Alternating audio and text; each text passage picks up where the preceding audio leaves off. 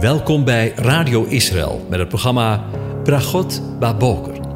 Een kort ochtendprogramma waarin een gedeelte uit de Bijbel wordt gelezen en besproken. Met Bragot Baboker wensen onze luisteraars zegeningen in de ochtend. Presentator is Kees van de Vlist. Goedemorgen, luisteraars. Vanmorgen denken we nog een keertje na over Psalm 119 en daarvan een, alleen vers 140. Uw woord is zeer gelouterd. Uw dienaar heeft het lief. Over gelouterd goud gesproken. In de voorgaande overdenking hebben we nagedacht over het woord of over de woorden van God. Vandaag wil ik kort stilstaan bij een aantal andere aspecten van goud. Het eerste aspect is dat goud onvergankelijk is. Goud is een edelmetaal, dat wil zeggen, het verroest niet. Het gaat niet teniet. Het kan wel verdonkeren, de, klan, de glans kan eraf gaan, volgens Klaagliederen 4 vers 1, en dan moet het opgepoetst worden. Zo is het ook met het geloof. Het is een gave van God, volgens Efeze 2 vers 8 en 9, die niet vergaat maar het moet wel onderhouden worden. Als de glans er wat af is, moet het worden opgepoetst. En als je het niet bezit, raadt God het aan om het te kopen, in Openbaringen 3, vers 18. Ik raad u aan dat u van mij goud koopt, gelouterd door het vuur, opdat u rijk wordt. Het tweede aspect is dat goud gelouterd moet worden. In zijn wezen wordt goud niet aangetast. Maar het kan wel verontreinigd zijn of worden door bijmengsels. Dat is het als gouderts, uiteraard. Het erts moet verhit worden om het goud eruit te halen. En het gesmolten goud moet gelouterd worden om onzuivere elementen te kunnen verwijderen. Zo is het ook met ons geloof. Het kan onzuivere elementen bevatten die verwijderd moeten worden. Daartoe worden we door God beproefd. Petrus weet er alles van en hij zegt het ook zelf in zijn eerste brief.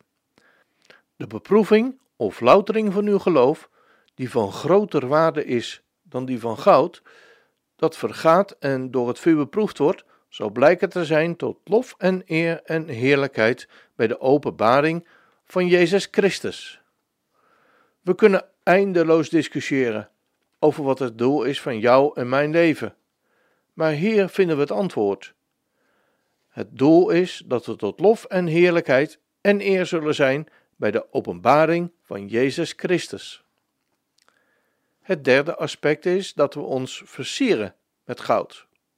Veel sieraden werden in de tijd van de Bijbel van goud gemaakt, en als zodanig werd goud zeer op prijs gesteld. Ons geloof is ook een sieraad. Hoe waardevol goud is, blijkt onder andere uit de uitspraak van de psalmdichter dat hij Gods geboden meer lief heeft dan goud. Psalm 119, vers 127 zegt: Daarom heb ik uw geboden lief, meer dan goud, ja, meer dan zuiver goud. Het vierde aspect is dat goud waardevol is. Met goud kun je in deze wereld heel wat beginnen. Je kunt er zaken, diensten, genoegens en nog veel meer mee kopen. Als geschenk is het dan ook waardevol. We lezen van over de wijze uit het oosten. En toen zij in het huis kwamen, zagen zij het kind met Maria, zijn moeder, en zij vielen neer en aanbaden het. Zij openden hun schatkisten en brachten hem geschenken: goud en wierook en mirre. Het geloof is het grootste cadeau van God, het meest waardevolle dat we in ons leven kunnen ontvangen. Paulus wist ervan als geen ander. Hij was helemaal niet op uit om God te zoeken. Eerder tegenovergestelde. Maar in Efeze 2 zegt hij: Want uit genade bent u zalig geworden, door het geloof. En dat niet uit u, het is Gods gave. Het vijfde aspect is dat goud schaars is.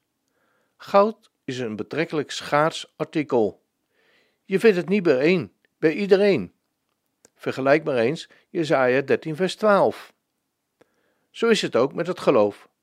Aangaande de toekomst heeft de Heer Jezus zelf dit woord gesproken. Als de Zoon des Mensen komt, zal hij het geloof vinden op aarde. Het zesde aspect is het smeltpunt van goud. Goud smelt bij een temperatuur van rond de 1062 graden Celsius, of nog meer.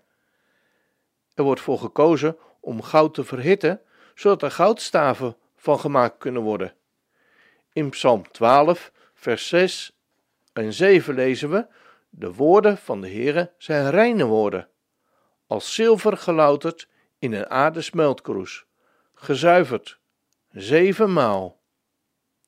Het getal 7 speelt een belangrijke rol in de Bijbel. Het getal 7 is een heilig getal. Het staat voor de volmaaktheid van Gods handelen. De woorden van de Heere of het woord van God is dus totaal volmaakt gezuiverd. Het is waar, van A tot Z, wat hij zegt.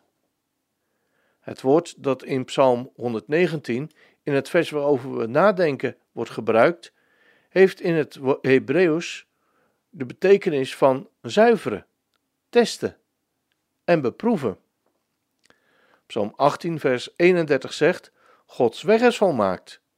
Het woord van de Heere is gelouterd. Hij is een schild voor alle die tot hem de toevlucht nemen. Mooi. De weg van de Heere is getest en volmaakt gebleken. Waarin vraag je je af? Hij is een schild voor alle dus voor ieder mens die tot Hem de toevlucht neemt. Dus, het is echt waar. Hij is een schild voor alle, voor ieder mens die tot Hem de toevlucht neemt. Ik raad u aan om vandaag nog goud te kopen, of met andere woorden, tot Hem de toevlucht te nemen, opdat u rijk wordt. Ik wens je een van God gezegende dag toe.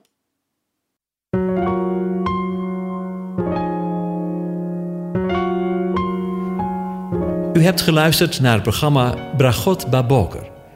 Een kort ochtendprogramma waarin een gedeelte uit de Bijbel wordt gelezen en besproken. Wilt u het programma nog eens naluisteren, dan kan dat. Ga naar radioisrael.nl en klik onder het kopje radio op Uitzending gemist.